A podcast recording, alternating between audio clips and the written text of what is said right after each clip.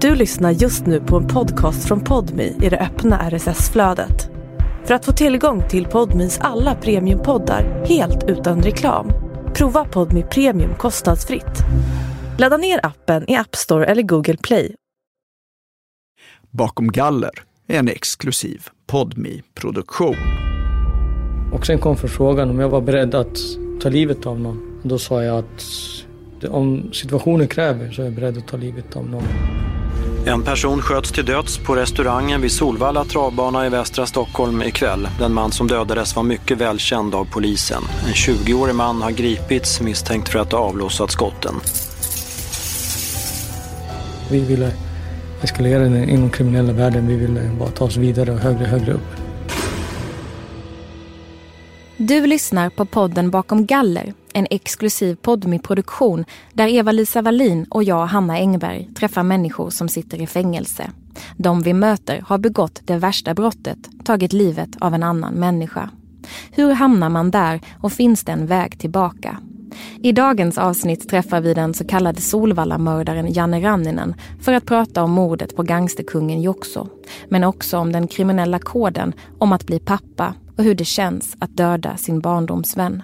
Vi vill varna för starkt innehåll. Mitt namn är Janne Ranninen, 41 år. Jag är pappa.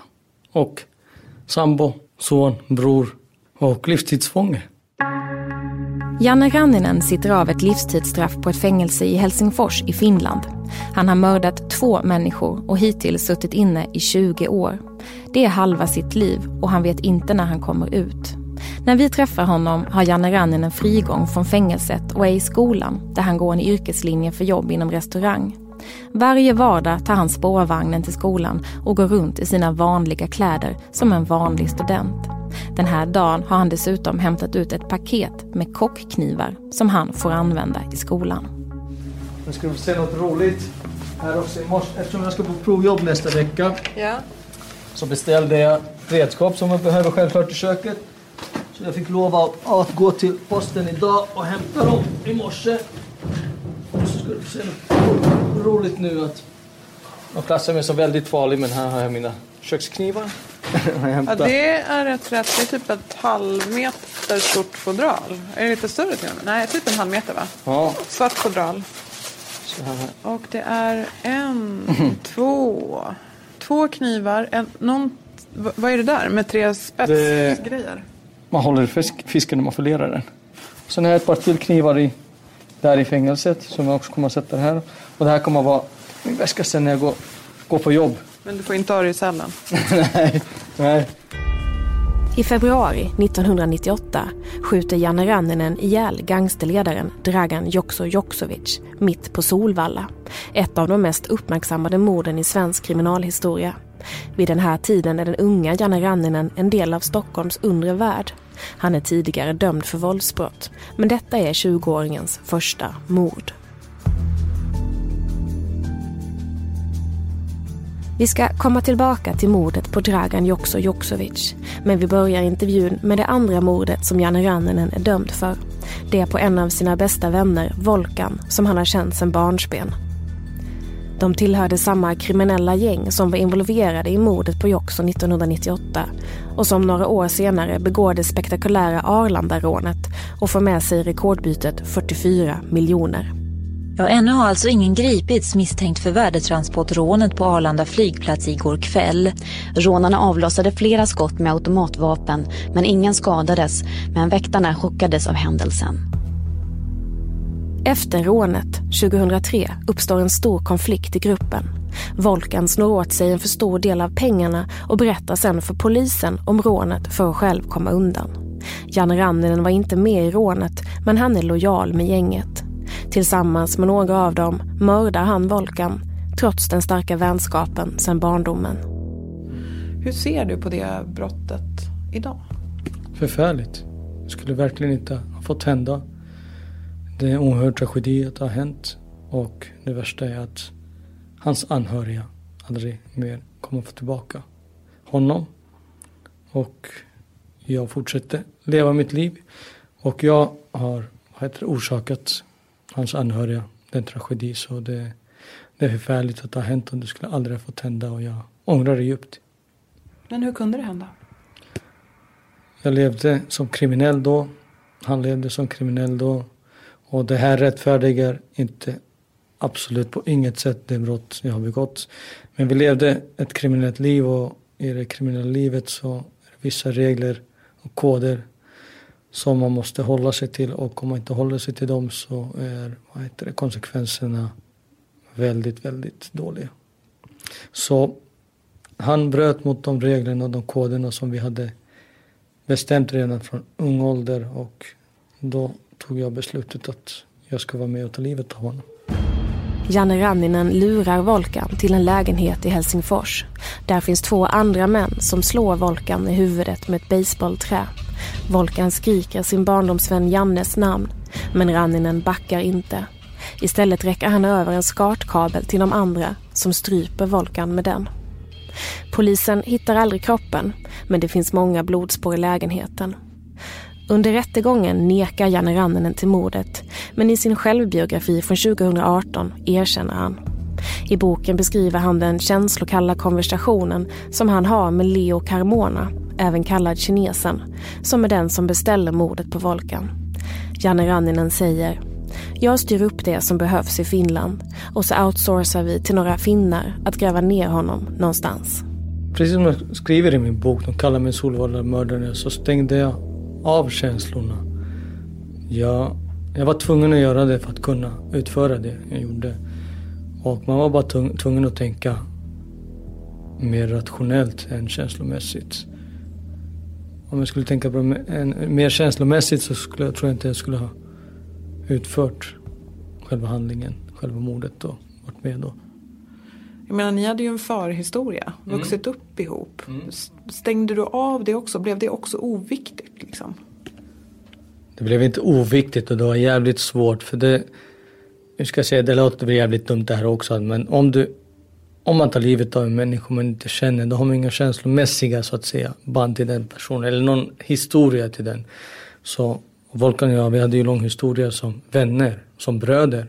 Så det var, det var det som var jävligt jobbigt att jag, jag såg bilderna framför mig, hur vi hade växt upp, hur hans familj var, hur min familj var, hur vi kände varandra. Så det var det jobbiga, men det var även någonting som stärkte på sätt och vis också beslutet att om en person som står dig så nära kan göra, kan förräda dig på det sättet, då blir det ännu mer hat. Så det blev mer hatfullt och mer kärleksfullt. Så det var absolut inte oviktigt men det var bara att stänga av helt enkelt. Det, när man lever det livet då har man inte råd med känslor. Och det är helt sjukt och det är inte rätt att man gör så men det, det är bara så man måste göra. Mm får man tillbaka känslorna? Det är ju så att jag stänger av känslorna när jag gör om brotten men inte överhuvudtaget. Det är inte så att jag stänger av känslor mot min sambo, mot min dotter, mot min mamma, mot någon annan vän. Utan det är i det läget och i det tillfället. Jag har ju precis samma känslor som alla andra men har väl på något sätt, kan väl reglera dem. Händer det att du fortfarande liksom stänger av? När jag blir arg då måste jag vad heter det, stänga av att jag inte gör något dumt. Då måste jag stänga av den här ilskan så att säga och bara tänka på allt annat. Men eftersom jag inte gör brott så har jag ingen behov av att stänga av känslor på det sättet. Men hur har Janne Ranninen hamnat här? Halva sitt liv i fängelse för bland annat två mord. Vi backar bandet till uppväxten under 80-talet i ett slitet miljonprogramsområde i Stockholmsförorten Jordbro. Där växer han upp med två bröder och skilda föräldrar. Vid tioårsåldern så såg jag min mamma bli väldigt grovt misshandlad av hennes nya man. Jag bevittnade det och det satte djupa spår i mig. Det satt, orsakade ett illamående i mig som jag inte kunde behandla. Och vi var en timme kanske hos barn och ungdomspsykiatrin och behandlade det här och sen var det färdigbehandlat och sen färdig, det var case closed. Och det funkar ju inte utan det är, i min unga ålder så rörde sig det här illamåendet inom mig och sen när jag drack så gav det sig utlopp i aggressivitet. Så det räckte med att någon sa något idiotiskt bara som jag tog som en kränkning eller förolämpning. Och, och så gav jag mig på den personen och räckte inte då med mina knytnävar så använde jag kniv eller batong eller tårgas och till slut skjutvapen. Det är mycket som spelar in. Det är väldigt, väldigt mycket. Det började redan i ung ålder. Smått, snatterier. Jag hade dåligt självförtroende, jag ville ha acceptans. Jag ville bli accepterad så jag stal för att få lite märkeskläder och få lite pengar att röra mig med. Så eskalerade det bara. Man, blev, man började dricka, man började använda lite droger, man började festa. Allting kostade. Skolan gick bra när jag var där men jag var inte så ofta där. Jag skolkade mycket. Andra i samma ålder började på gymnasiet. Vissa började jobba, vissa gick framåt i livet. Och jag hade inte gått framåt i livet. Jag ville inte så att säga, förlora.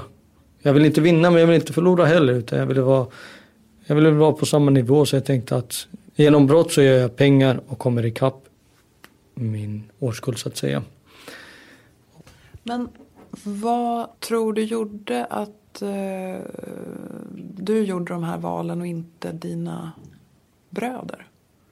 När ni ändå har liksom liknande uppväxt. Mm. En av mina bröder har samma uppväxt som mig. Men hur som jag sa, så det är så mycket som spelar in. En annan generation och personlighetsdrag. Jag hade dåligt självförtroende. Han hade bättre självförtroende än mig. Och jag vad heter det, bevittnade min mammas misshandel. Han bevittnade inte det. En annan samhällssyn. Head over to Hulu this March where our new shows and movies will keep you streaming all month long. Catch the acclaimed movie All of Us Strangers starring Paul Mescal and Andrew Scott. Stream the new Hulu original limited series We Were the Lucky Ones with Joey King and Logan Lerman. And don't forget about Grey's Anatomy. Every Grey's episode ever is now streaming on Hulu. So, what are you waiting for? Go stream something new on Hulu. också. Han var mer av det här att när man ska jobba, man ska göra rätt för sig. Och han tyckte om armén. Han praktiserade eh, på, hos brandkåren och sådana här grejer. Så han, han var mer åt det hållet. Åt det rätta hållet så att säga. Så jag tror det är mycket. Och sen är det vänner, temperament. Vi har väldigt olika temperament. Hur är ditt temperament? Förr i tiden var det väldigt hett. Nu är det mycket, mycket mindre hett. Att säga. Men jag fortfarande jobbar varje dag fortfarande med att inte vara så temperamentsfull. Men förut var det mycket, mycket värre. Och så sakta men säkert eskalerade det och så jag blev dömd till fängelse för att ha knivhuggit någon och spöat någon och sånt där. Och sen i fängelset blev jag introducerad till grövre kriminalitet. För de här våldsbrotten som jag tidigare hade gjort så det var ju andra folk med också men jag golade inte. Jag, jag tänkte att nej, jag, jag, sånt gör man inte. Och då de här äldre på kåken de såg att jag tog på mig mitt straff utan att gola någon. Så de kom med erbjudanden om att sälja knark eller fanns något ställe man kunde göra inbrott. De kom med tips om smårån och småinbrott helt enkelt. Och jag var väl 18-19 år. Jag tänkte när jag muckar, jag har inget jobb, jag har ingen utbildning så jag hoppar på det ännu mer. Så blev det bara så att när man kom ut så fortsätter man helt enkelt med grövre brott. Det är nu Janne Ranninen kommer att begå sitt första mord. Via kontakter börjar han och vännerna, de som han kallar sina bröder, samarbeta med Kova, en person som är högt upp i hierarkin i Stockholms jugoslaviska maffia. Den enda som är snäppet högre upp, på toppen, är Dragan Joksovic, eller Jokso som han kallas. Dragan Joksovic, en två meters jätte som var en mytomspunnen legend långt före sin våldsamma död en februarikväll 1998. Dragan Joksovic is uh, the prince of crime. Så det är bara att gå till tingsrätten och ta ut hans samlade akt där som enligt uppgift lär innehålla 300 sidor material. Och där det då är radat brott på brott på brott på brott. Jokso och Kova, fienden i den jugoslaviska maffian i Stockholm, befinner sig i en stor konflikt. Till slut finns det bara ett sätt att få slut på den enligt Janne Ranninen. Någon av dem måste dö. Janne och barndomsvännen Volkan, som han alltså några år senare kommer att mörda, tar Kovas parti. Han tydde sig till oss under den här konflikten och sen kom förfrågan om jag var beredd att ta livet av någon person.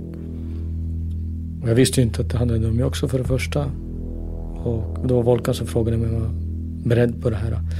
Och då sa jag att ja, så om, det, om situationen kräver så är jag beredd att ta livet av någon. Men det, det är inte så att jag vill ta livet av någon bara för att ta livet av någon. Det, det är inte så det funkar. Och jag hoppades hela tiden på en fredlig lösning. Men det blev ingen fredlig lösning utan till slut blev Volkan också hotad, i och med, eller han och hans familj blev hotade i och med den här konflikten. En annan barndomsvän till mig blev beskjuten när han och hans flickvän satt i en bil. Så det blev väl bara mer och mer ett sånt beslut att man tog att nej nu ska vi kriga ihop. Vi var bröder helt enkelt. Och vi ska kriga ihop, vi ska hjälpa Kova i det här. Vi var unga och dumma. Och vi började helt enkelt planera på att ta livet av Jokso. också. Så en månad, en två månader där före jag åkte ut på Solvalla så bodde vi i olika lägenheter och rörde oss väldigt mycket och kollade på olika ställen vart vi skulle kunna utföra dådet. Vi var utanför restauranger, vi var utanför Jokkmokks hem och sånt här. Spanade helt enkelt. Så började min 21-årsdag närma sig. Och jag visste att, att jag inte kunde bli dömd till livstidsfängelse om jag gör ett mord. Eller vad, vad jag än gör när jag är under 21. Jag hade läst i en tidigare dom som jag blev dömd till. När jag, blev, när jag fick rabatt så att säga för att jag var under 21. Och jag sa att det är lika bra att jag åker ut på Solvalla och tar han själv. Då slipper ingen då, alltså, då är det bara jag som sitter. Ingen annan torskar för det här. Och ni fortsätter här ute med det vi har satt igång. Så att säga, vi ville eskalera den inom kriminella världen. Vi ville bara ta oss vidare och högre, högre upp. Hur var det att åka ut sen till? Det var inget kul. Jag var väldigt nervös över att åka ut. Jag visste att jag skulle inte se friheten på väldigt lång tid. Jag visste att jag skulle ta livet av en annan människa. Det kändes som att ja, man har kommit någonstans och nu gör jag det här och sen är det typ över.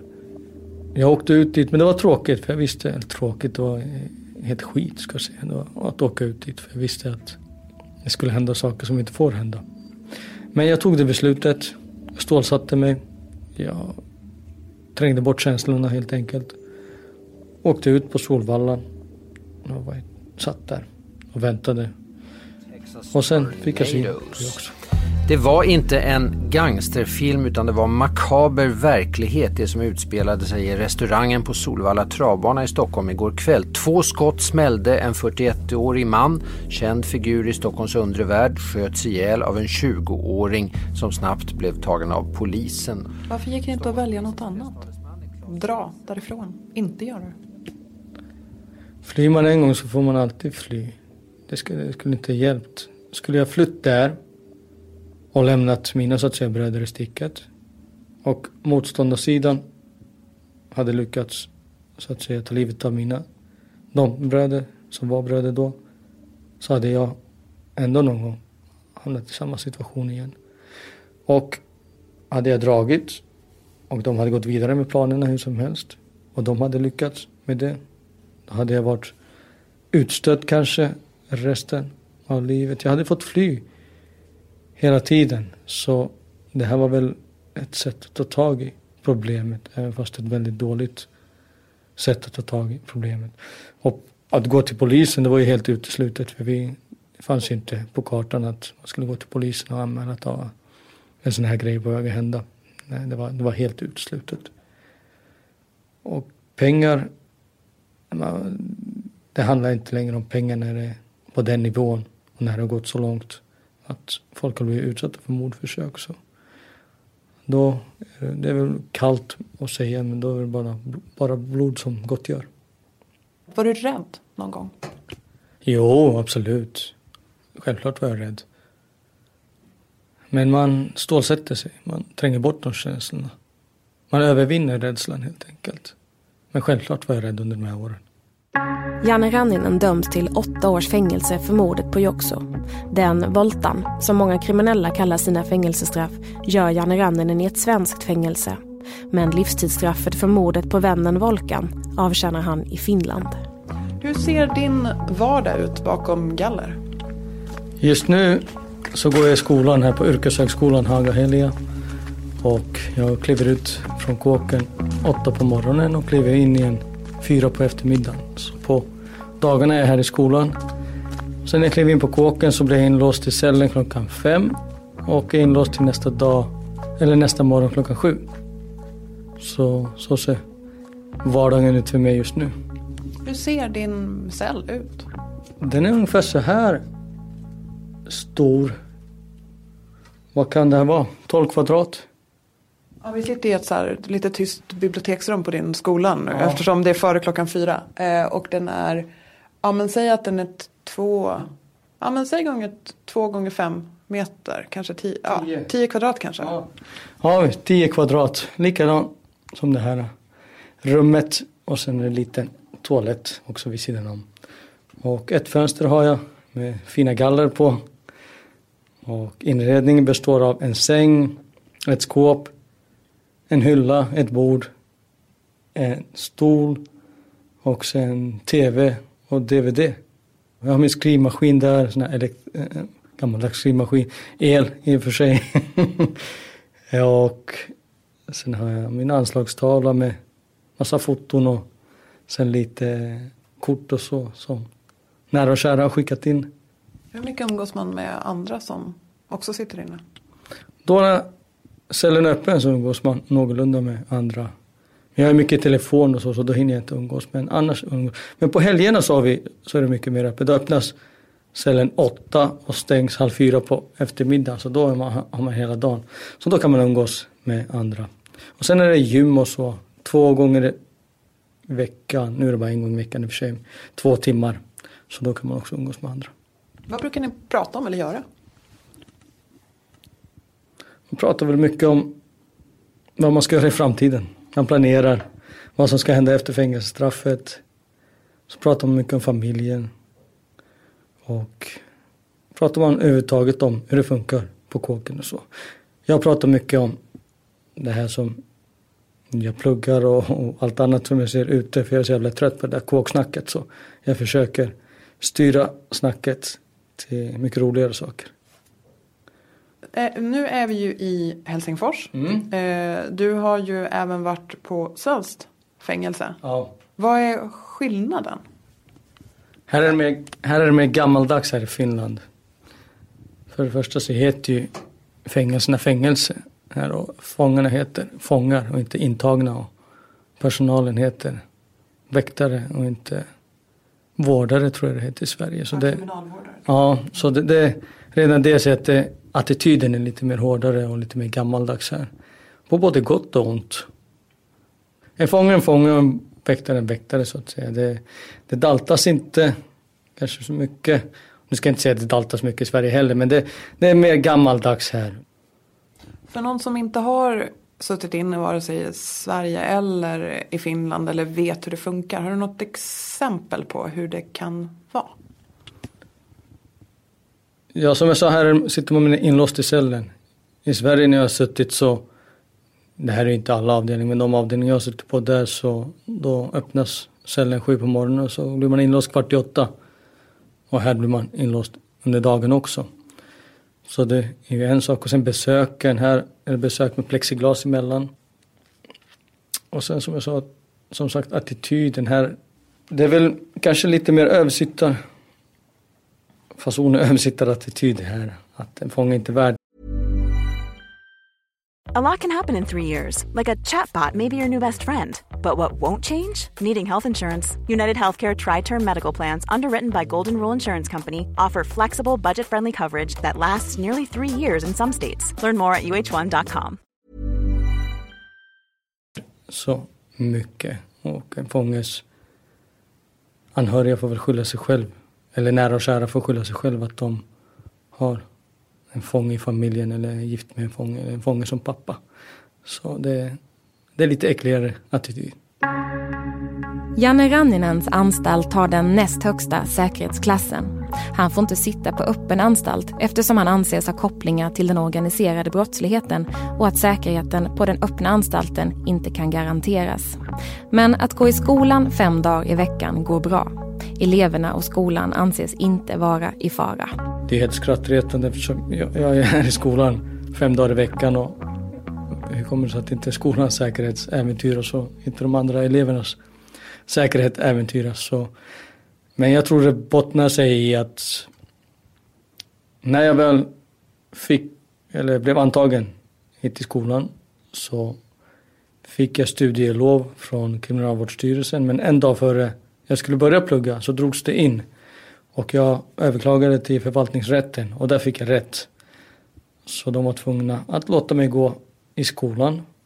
Men då sa de okej, okay, du får gå i skolan med, då får du gå från sluten anstalt och inte öppen anstalt som det brukar vara att man får gå från öppen anstalt om man har frigång. Så jag tror att det är lite, de är irriterade för att förvaltningsrätten gav mig rätt och de beslutar sig för att ja, men i sådana fall ska vi visa att vi har lite makt i varje fall och du ska inte gå från en öppen anstalt. Så det har egentligen inte någonting med säkerheten att göra. Jag tänkte på det eh, som du sa tidigare om eh, att du sitter på den anstalt du sitter för att du har kriminella kontakter. Vad är det man syftar på då för kontakter? Man syftar på att de, det livet som jag levt tidigare, att eh, de brotten som jag gjort, att det har varit bundet till organiserad brottslighet. Vi har planerat det vi har gjort och, och det är väl det värsta man kan göra i samhället. Att det, de brotten man gör, att man gör dem organiserat. Och jag har lärt känna väldigt mycket folk i mitt liv.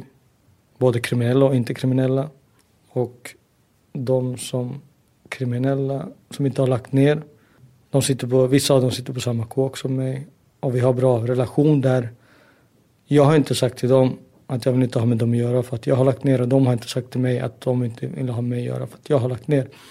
Utan vi, våran vänskap grundas inte på den kriminella utan våra vänskap grundar sig på att vi har lärt känna varandra på kåken. Och då fängelsemyndigheterna tycker att man ska klippa med allt och alla. Att man ska inte ha kontakt med folk då som är aktivt kriminella om man har lagt ner själv. Så de syftar, det är väl det de syftar på. att De tror inte att jag kanske har lagt ner allting för att jag fortfarande jag har inte bränt mina broar i den kriminella världen så att säga. Kan du få förståelse för att de ser det på det sättet? Om någon lägger ner det kriminella livet så förstår jag att man är misstänksam och så under den första tiden. Men när sen när det har gått så pass långt och de märker att han inte har gjort något brott på väldigt, väldigt, väldigt lång tid. Och, att den relationen som man har med folk som är så att säga aktivt kriminella inne på kåken. Så jag menar, det, då ska man ju se vad den relationen bygger på. Så jag förstår inte det. Jag förstår inte att myndigheterna tycker att man ska ha bränt alla broar för att kunna lägga ner kriminaliteten. Det tycker jag inte.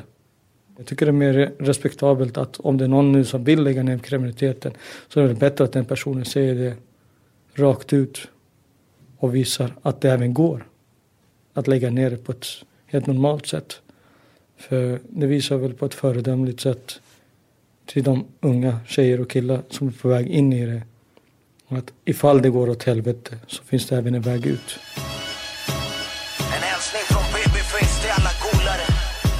2008 bildar Janne Raminen hiphopgruppen Kartellen i fängelset tillsammans med Leo kinesen Carmona som också dömdes för mordet på Volkan. I Kartellen kallas Janne Ranninen för Babyface och en av låtarna han skriver heter Hälsning från Babyface. Det är tydligt när man lyssnar på texten att låten handlar om mordet på barndomsvännen. Du nekade ju under rättegången ja. till det som hade hänt. Mm. Sen eh, kommer det en Kartellen-låt mm. 2011. Mm. Som du är med och skriver ja. texten till.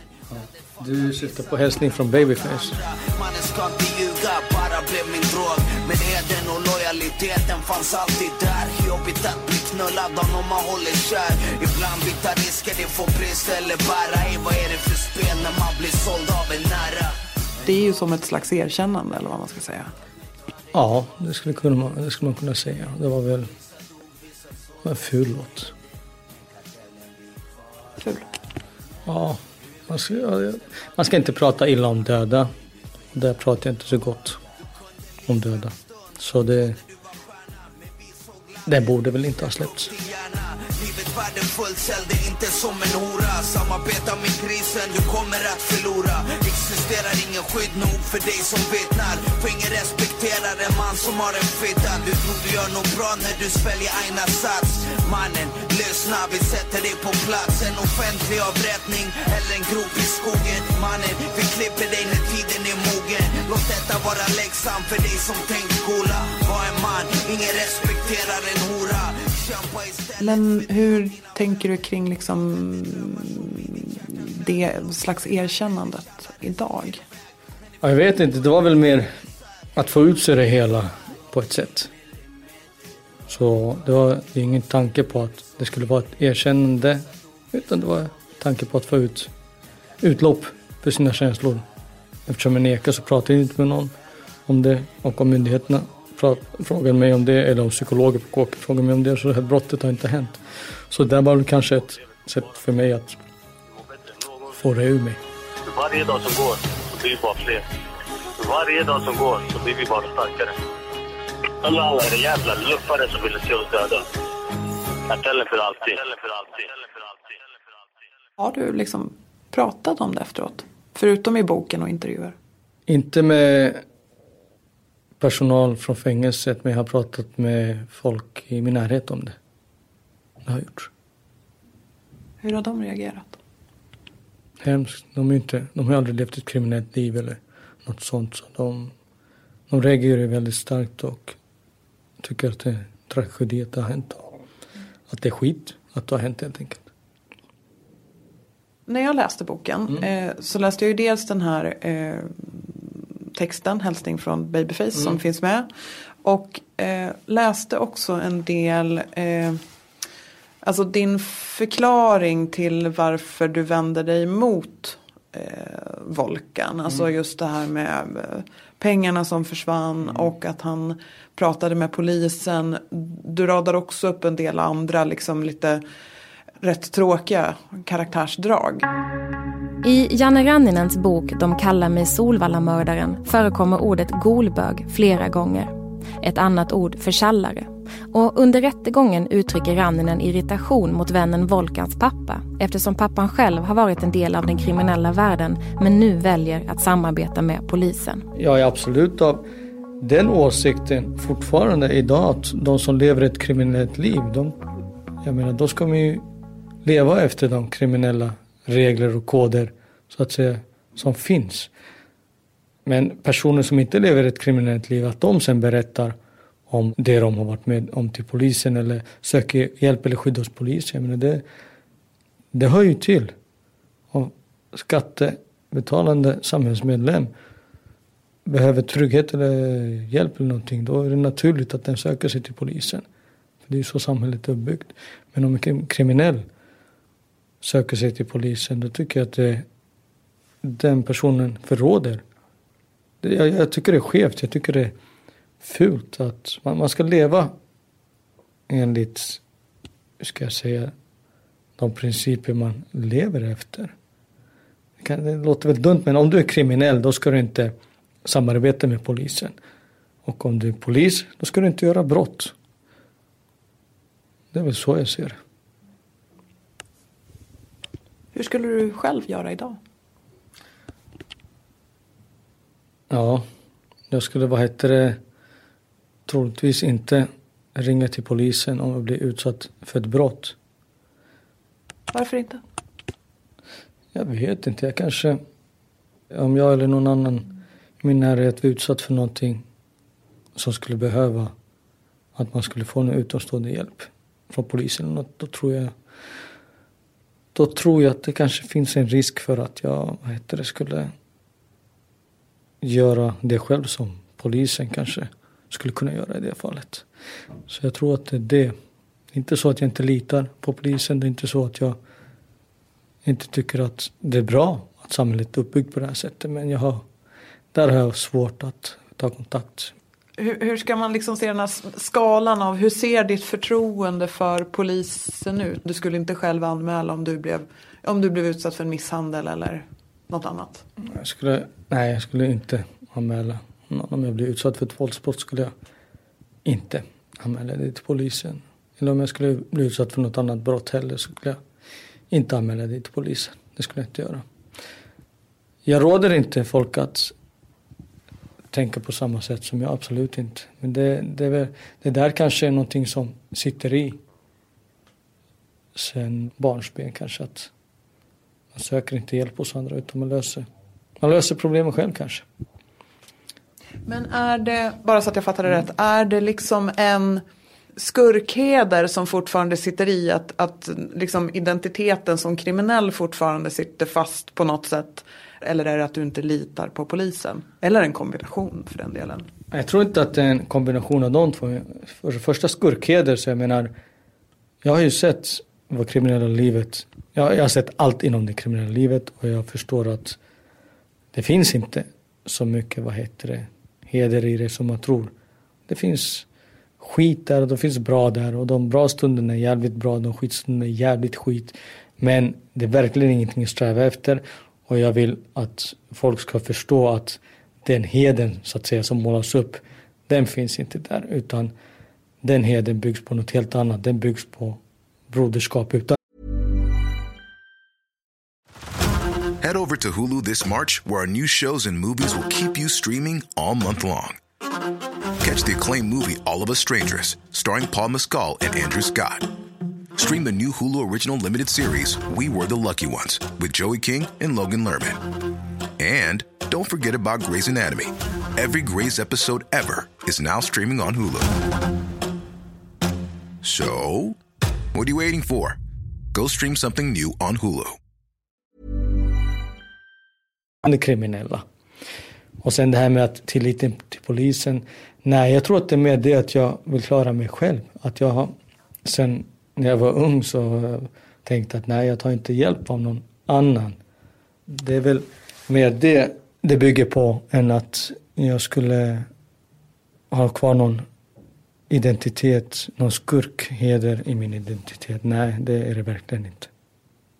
Du skriver ju i din bok just det att du liksom ser framför dig att du vill fortsätta leva ett eh, laglydigt liv och så. Men att det ändå kan finnas en risk för om någon ber dig om något, en vän ber dig om något, att det då kan finnas en risk för att du faller tillbaka. Hur kommer det sig? Jag säger inte direkt nej, vem, jag säger väl mest där att, att om min familjemedlem eller någon nära vän skulle råka ut för någonting så är jag rädd för att jag skulle ta till gamla verktygen. Och så skriver jag även att om någon vän råkar ut för någonting, om de kommer att be mig om någonting, då måste jag bara stå på mig att, och försöka förklara att våld leder inte till något gott, utan det är bara att ringa på vattnet. Så jag är inte rädd för att om någon, be, om någon vän ber mig om någonting, att jag ska falla tillbaka. Men om någonting händer, någon familjemedlem eller någon kära, nära och kära till mig, då är jag rädd för att jag skulle agera på ett sätt som inte man borde agera på. När blev du senast arg? Säkert igår.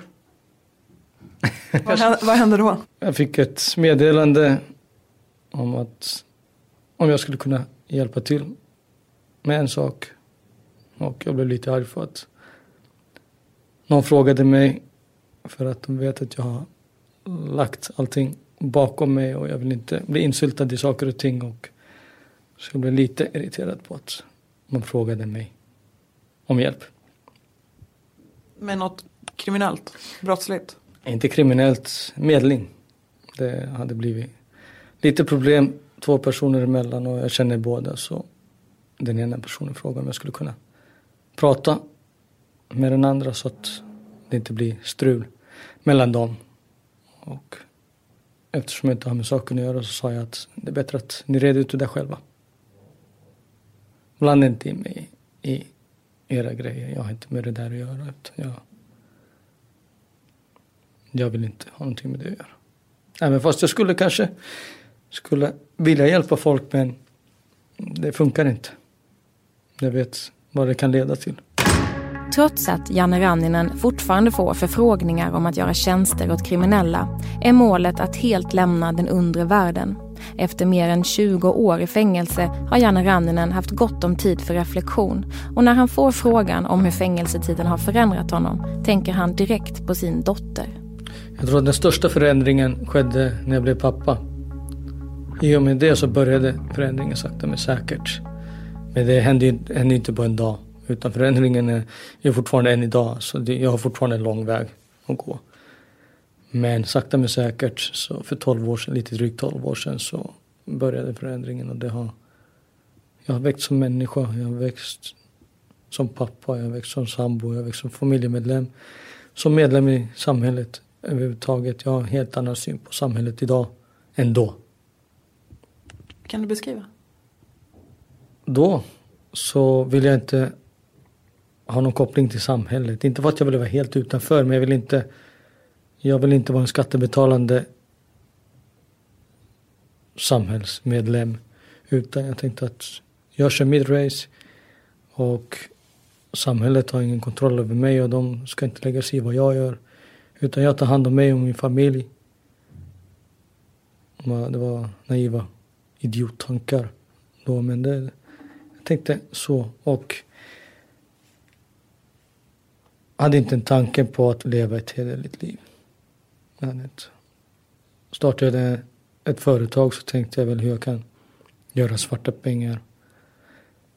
Gjorde jag någon affär så var det inte betala skatt som var den första jag tänkte på.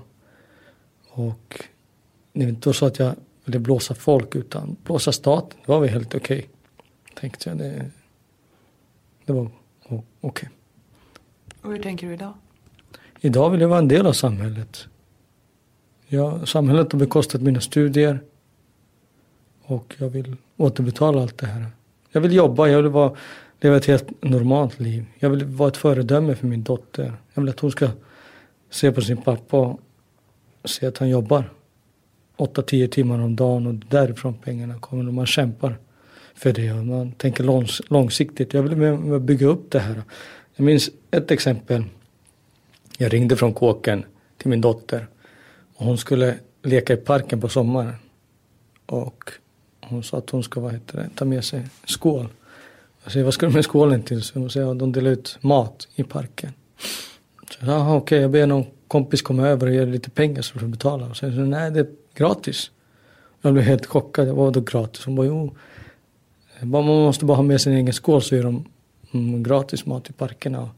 Jag kollade upp det där, så Helsingfors stad de delar ut varje dag under sommarlovet eh, till alla Helsingfors parker till barn som går i grundskolan. Delar de ut ett mål mat om dagen gratis. Och det här bekostas av skattepengar. Och det där var en otroligt stor grej för mig. Jag tänkte, alltså staten ger mitt barn gratis mat så varför ska inte jag vara med och dra mitt strå till stacken och betala skatt och försöka göra allting för att det här ska, den här goda grejen ska fortsätta. Så det är någonting som verkligen har fått mig också att tänka på. Och sen allt annat också. Min dotter har varit på bra dagis, på en bra skola. All annan infrastruktur i samhället fungerar. Och allt det här bekostat av skattepengar. Så jag menar, vem fan är jag att leva på allt det här utan att dra mitt strå till stacken. Det, det är ju helt sjukt. Men fan tror jag, jag att jag är då? Om inte jag är med och bekostar det här också. Tror du att du hade liksom tänkt så här om du inte hade fått barn? Jag vet inte. Det är svårt att säga. Men jag vet att i och med att jag blev pappa så hände det mycket, mycket i mitt liv och det blev mycket stora förändringar. Så mycket av det här har jag ju sett genom det att jag har blivit pappa. Och tack gode gud för det. Men det finns ju annat också. I och med studierna så har jag också vet det, lärt mig väldigt mycket hur samhället är uppbyggt och skolkamraterna hur de inte behöver hävda sig på det sättet som jag behövde hävda mig när jag var ung. Så det är väl en blandning men jag tror att den största anledningen till att jag förändrades var att jag blev pappa. Det tror jag. Janne Ranninen ser ljust på framtiden. Studierna är snart avklarade och han söker ett flertal jobb. Ranninen längtar efter att leva normalt och göra rätt för sig och kanske visa ungdomar att det finns en annan väg än den kriminella. Jag har mycket att leva för, jag har mycket att göra rätt för, jag har mycket att visa ett gott föredöme för. Och jag tror att det finns mycket ute i friheten som jag kan jobba med, inte bara vanligt jobb utan jag kan få ungdomar att lära sig om min historia, att inte gå följa mina fotspår i den kriminella världen. Så jag ser just på framtiden faktiskt. Ser du framtiden i Finland eller i eh, Sverige? Både och. Jag kommer väl huvudsakligen bo här i Finland eftersom min dotter bor här i Finland. Så jag vill inte när jag muckar sticka till Sverige. Först har hon väntat ett livstidsstraff på mig och sen när farsan kommer ut så sticker han till Sverige. Det, det, det vore helt skit. Jag kommer alltid vara nära henne och finnas till hands. Men sen när hon blir så pass stor att hon inte pallar med farsan längre så då kanske jag flyttar någonstans vart det är lite varmare. Men jag kommer att pendla rätt mycket mellan Sverige och Finland för det finns mycket att göra i Sverige också som jag kan bidra med. Och mycket här i Finland också.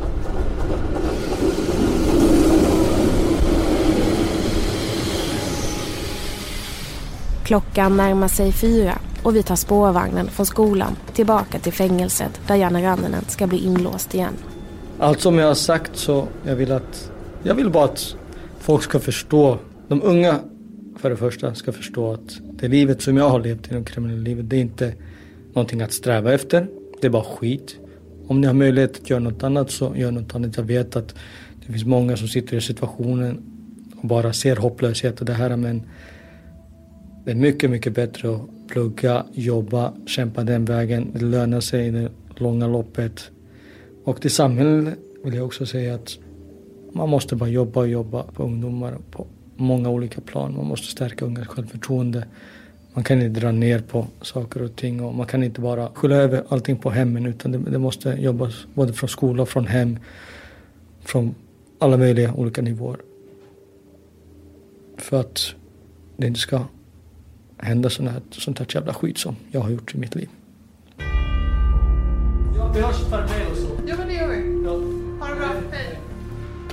Bakom galler är en exklusiv podmi produktion som görs av Eva-Lisa Wallin som idag intervjuade och mig, Hanna Engberg. Ljud och form görs av Fredrik Nilsson och klippningen av Robin Jonsson. Nyhetsklippen kommer från TV4, P3 Dokumentär och Sveriges Radio Ekot. Bakom galler produceras av tredje statsmakten Media och är en exklusiv podmi produktion Om du gillar den här podden och vill höra mer så finns det ett rykande färskt avsnitt helt utan reklam redan nu hos Podmi. Vi träffar då Sveriges enda nu intagna kvinnliga dubbelmördare, Martina Kvällstad. Hon berättar då, för första gången, om hur hon mördade sin mamma.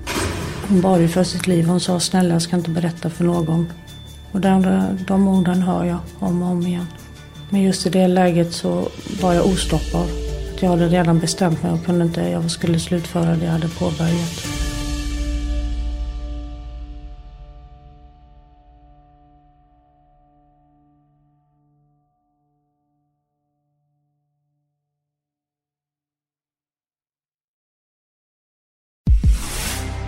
Du har lyssnat på en podd från Podmi. Vill du höra fler liknande poddar eller upptäcka helt nya favoriter? Ladda ner podmi appen i App Store eller Google Play. Testa gratis i 14 dagar.